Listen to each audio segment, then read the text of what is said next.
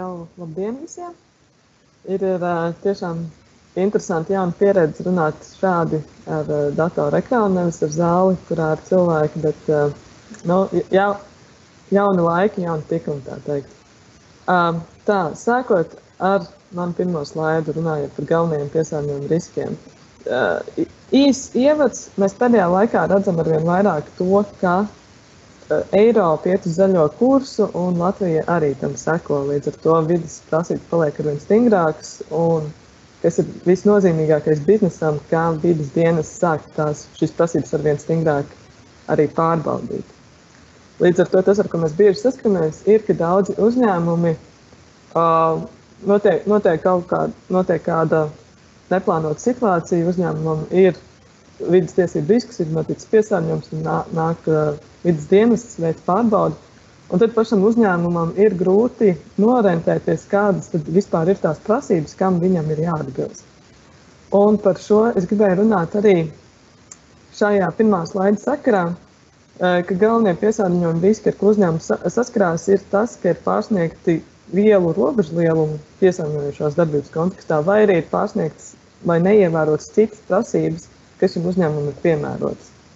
Avoti, kur meklēt šīs piemērojamās prasības, ir pirmkārt jau atļauja. Jā, atļauja ir bijusi jāsaņem. Tā ir AB kategorijas atļauja vai, vai arī C kategorijas piesārņojušās darbības apliecinājums. Šajā atļaujā ir noteikti svarīgākās prasības, kas uzņēmumam jāievēro, bet neskatoties to, vēl ir arī virkne tiesību aktu, piemēram, likums par piesārņojumu, kā arī atkarībā no uzņēmuma sfēras, uh, varbūt arī specifiski MK noteikumi. Un tas, ko uzņēmumam ir ļoti svarīgi atcerēties, ir būt lietas kursā ne tikai par to, kas ir tiešā tekstā noteikts atļaujā, bet arī to, ko paredz šie specifiskie MK noteikumi un likums, jo pat ja atļaujā par to nekas nebūs teikts, tāpat būs jāievēro. Tālāk. Tātad pirmais tāds lielais risku bloks ir tas, ka mēs vienkārši pārsniedzam vai neievērojam kaut ko, kas mums ir jāievēro saskaņā ar atļauju vai normatīviem tiesību aktiem. Otrais ir specifiski riski saistībā ar atkritumu apsaimniekošanu. Šeit ir tā, ka tas, ko mēs redzam, ka ir jāpievērš ļoti liela uzmanība tam, kādu ap apsaimniekotāju mēs izvēlamies. Jo, ja mēs nododam savus atkritumus, piemēram, būvniecības procesā, tie būs būvniecības atkritumi, uzņēmumam, kuram nav attiecīgas atļaujas, tad kaut arī tas uzņēmums pats, kā jums profesionāls, protams, ir atbildīgs par to, lai viņam būtu atļauja. Mums, kā atkritumu radītājiem, arī var iestāties atbildība. Līdz ar to izvēloties savus uh, sadarbības partnerus atkrituma apstrādes jomā, ir ļoti, ļoti svarīgi piefiksēt šo momentu. Vai ir nepieciešama atļauja tiem atkrituma veidiem, ko mēs, uh, tiem atkrituma veidiem, ko mēs radām. Un trešais veids, kā rodas piesārņojuma riski, protams, ir vecās labās, vecās labās avārijas, um, vai pareizāk sakot, vecās sliktās avārijas. Eh, standarta gadījumos kaut kas notiek, eh, neparedzēts gadījums, plīst caurule, iekārta pārstāja darboties, un eh, no mums neatkarīgu apstākļu dēļ vidēji izpūst piesārņojumu. Šādā gadījumā arī, protams, mums ir šādā gadījumā mūsu pienākums ir primāri reaģēt ātri, un tas, ko mēs klientiem arī iesakām, ir pēc iespējas, pēc iespējas pašiem censties visu novērst, bet eh, nekavēties saukt arī dienestus, ja tas ir iespējams. Nekādā gadījumā nevajadzētu klusi sēdēt un domāt, ka šī problēma aizies prom. Jo, jo, jo, jo, jo parasti, jo, kā jau es minēju pašā sākumā, vidas dienas tiešām šīs lietas skatās pastiprināt. Un, eh, ja jūs pieķer, ka kaut kas eh, jūsu īpašumā, jūsu iekārtā ir noticis, kam nevajadzētu notikt, tad, no, tad tas uzreiz var aiziet ļoti garā, ļoti grūtā un sarežģītā procesā. Tā, nākamo slaidu lūdzu. Tā, un gadījumā, ja mums ir sācies šis garais sarežģītais process, tad kas ir tās negatīvās sekas, ar ko mēs varam, ar ko, uh, kas var mums draudēt? Um, tātad likumā ir paredzēta vairākas atbildības saistībā ar vidas piesārņojumu. Uh, vis, vis vienkāršāk atbildība ir administratīvais sots, Uh, šeit šīs atbildības ir nosacīti nelielas. Uh, maksimāla atbildība, piemēram, man šeit pašai pierakstīts pēc mūsu administratīvās rep sodu reformas, piemēram, par A kategorijas piesārņojošās darbības veikšanu bez atļaujas, kas ir, nu, kas ir faktiski smagā rūpniecība. A kategorija tāda ļoti, ļoti nopietna atļauja.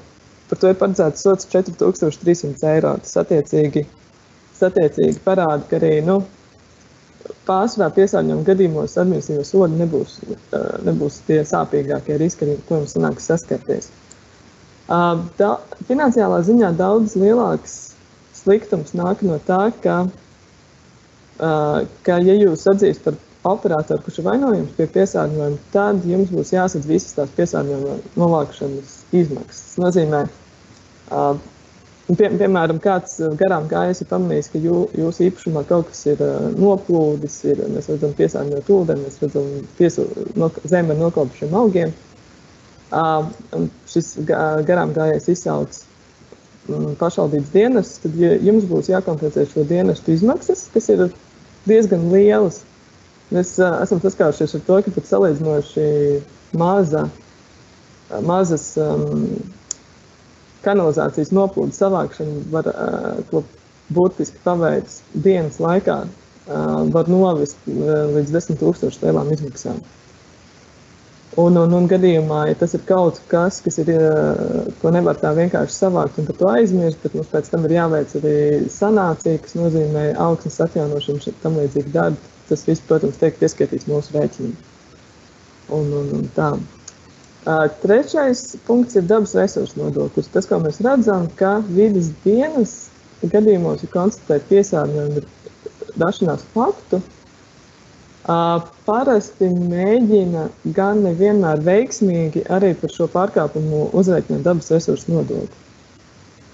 Šeit gan mums ir bijusi vislielākā veiksme šādu lēmumu apstrīdēšanā, jo dabas resursu nodokļu likums ļoti konkrēti paredz tos gadījumus, par kuriem šāds nodoklis ir jāmaksā. Respektīvi, nebūs tā, ka par jebkādu noplūdi, kurā situācijā jums var atnākt un pateikt, ka lūdzu maksājiet dabas resursu nodokli. Jo sevišķi svarīgs aspekts šajā gadījumā ir tā, ka šeit uh, administratīvo sodu var uzlikt vienkārši par to, ka ir piesār, ka ir konstatēts piesārņojums. Tad dabas resursu nodokļu gadījumā ļoti svarīgi noteikt, kāda viela ir bijusi vai arī kāds ir piesārņojums veids, vai mēs runājam par konkrētām vielām, bīstamām vai, vai par kaut ko citu. Tāpēc šeit šie, pie dabas resursu nodokļu aprēķina ir ļoti, ļoti svarīgs, lai ir veikts analīzes. Un kā pēdējais un svarīgākais atbildības veids ir krimināla atbildība. Principā krimināla atbildība ir iespējama tad, ja vidas dienests atnākot pie jums, konstatēs, ka tas, kas jums eh, jūsu teritorijā noticis, ir eh, nevis vienkārši kaitējums, eh, kaitējuma draudi, bet būtisks kaitējums. Tādā gadījumā, tādā gadījumā var būt arī tā situācija, ka tiek iesaistīta arī policija. Būtisks kaitējums ilustratīvi um, gadījumā, nu, gadījumā, piemēram, jūsu piesārņojuma savākšanā būs iesaistīta pašvaldība, ja pašvaldībā būs radušies uh, izdevumi, tad uh, būtisks skaitējums finansiālā ziņā tās ir desmit mēnešu algas Latvijā, kas ir uh, pašlaik ir vēl, manuprāt, 4300 eiro, bet, uh, es saprotu, mums arī ir plānā, valstī ir plānā palēnāt minimālo algu Un, tā būs 500 eiro. Līdz ar to, ja kādam ir radušies dēļ jūsu piesārņojuma 5000 eiro liela izdevuma, tad, tad, tad, jā, tad nevar, diemžēl, izslēgt arī krimināla atbildības risku.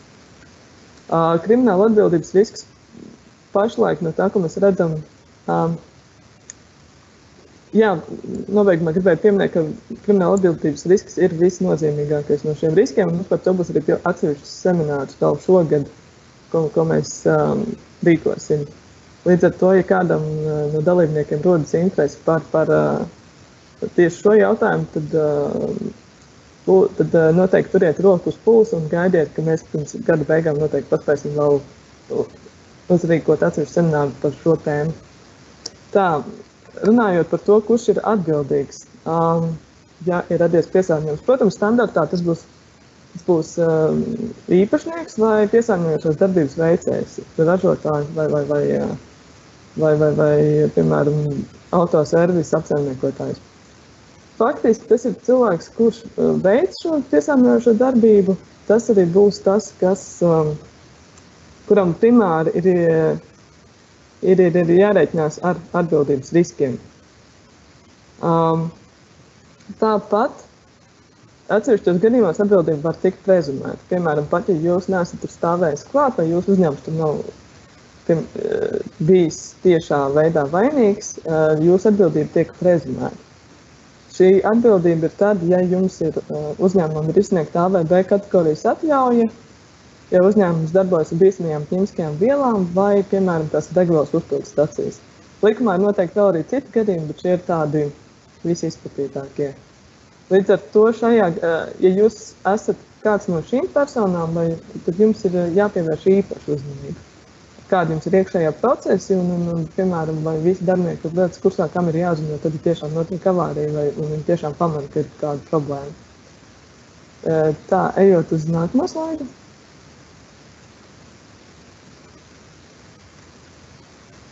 Jā, un mazliet turpināt iepriekšējo domu.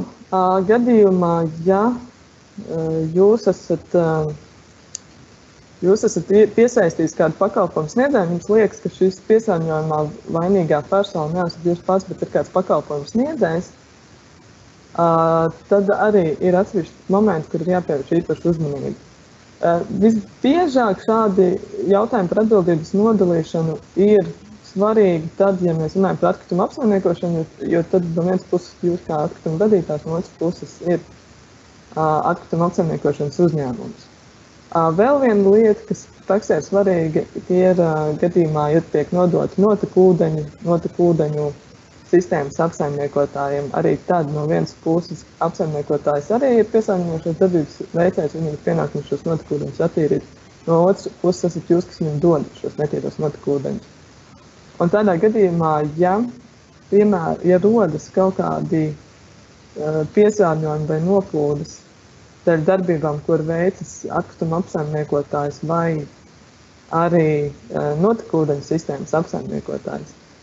Tad mūsu pieredzē vidas dienas primāri skaidro un pievērš šim piesārņojumu izcelsmai, kas vēlreiz pasvītro to, cik, no, cik nozīmīgi šādos jautājumos ir izvēlēties uh, atbildīgus sadarbības partnerus un arī savos līgumos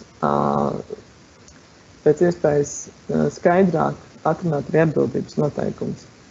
Piemēram, pat ja jums, jūs, jūs saņemat A kategorijas atļauju pēc likuma, tīri skatoties pēc likuma burta, ja jūs skaitāties atbildīgs, kamēr jūs nepierādāt pretējo, tomēr ļoti, jums ir ļoti, ļoti svarīgi vienoties ar visiem jūsu sadarbības partneriem par to, ka viņi, ka viņi uzņems atbildību.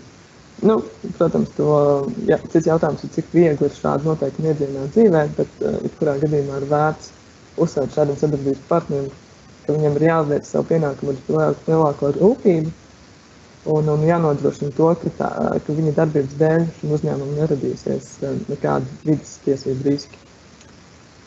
Uh, jā, tātad piesārņojuma izcelsme, un trešais arī, kurš ir pārkāpis savus likumā noteiktos pienākumus, respektīvi Uh, likums nosaka atsevišķu pienākumu bāzi gan, gan uh, atkritumu radītājiem, gan uh, atkritumu apsaimniekotājiem, piemēram, tam pašam kanalizācijas sistēmas apsaimniekotājiem. Un, un, un, bet arī likums nevienmēr ir viennozīmīgs šajos jautājumos, tāpēc arī ir ļoti svarīgi līgumos ļoti, ļoti pievērst tam uzmanību un atrunāt to pēc iespējas skaidrāk, kuri kādas ir konkrētās puses pienākumi. Un, tā, un, un, un es tuvojos ļoti strauji savas prezentācijas izskanē, par ko es domāju, ņemot vērā, ka mēs mazliet arī esam ārpus savu plānotā laika rāmja. Es, es domāju, es arī ilgi vairs neturpināšu, tikai nobeigumā gribēju atbildēt uz vienu no jautājumiem, ko mēs saņēmām jau uzreiz pirms prezentācijas, respektīvi par vidas dienestu pienākumu noskaidrot, īst, noskaidrot veikt analīzes, noskaidrot piesārņojumu izcelsmi. Šeit es varu dot tādu praktisku ieskatu, ka pēc, pēc lietām, ar kurām mēs esam strādājuši, mēs redzam, ka vidas dienas tiešām nevienmēr veic visas nepieciešamās analīzes piesārņojumu izcelsmes noskaidrošanai. Diemžēl ir tā, ka vidas dienestam likums to tiešā veidā arī neparedz. Piemēram, ja vidas dienas grib jums uzlikt sodu par piesārņošanu, tad mēs esam saskārušies, ka administratīvā soda gadījumā tiesas mēdz apmierināties arī ar to, ka ir, nav veikta analīze, bet ir veikta, piemēram, vizuālā apskata. Un, un, un vizuālās apskates rezultātā ir noskaidrots tā, noskaidrot tā notikuma ķēdīte, un var pietiekami saprātīgi noskaidrot, pierādīt to, ka piesārņojuma faktā tiešām esat vainojums jūs. Um, Citos gadījumos, piemēram, tad, ja jums vēlas uh, uzlikt pienākumu arī maksāt dabas resursu nodokli, tur gan jau ir svarīgāks analīžu fakts. Bet uh, arī tur ir jābūt ļoti uzmanīgiem par kādu piesārņojumu iet runa, jo ir atsevišķi piesārņojumi veidi, kuru, uh, piem, kur, kur, kur var iztikt arī bez šīm analīzēm. Tā kā, jā, īsumā man atbilde ir tāda, ka uh, atkarīgs, no tā, atkarīgs no tā soda, ko jums vidas dienests vēlas piemērot, un atkarīgs ir tas, vai vai, vai, vai tie citi pierādījumi, ko vidas dienests izmanto, kas nav analīzes, ir tādi, ka saprātīgs, saprātīgs cilvēks varētu arī pēc tādiem secināt, ka, nu jā, diemžēl šajā gadījumā piesārņojums ir nevis analīzes. Tā kā tā. Labi, teikšu paldies.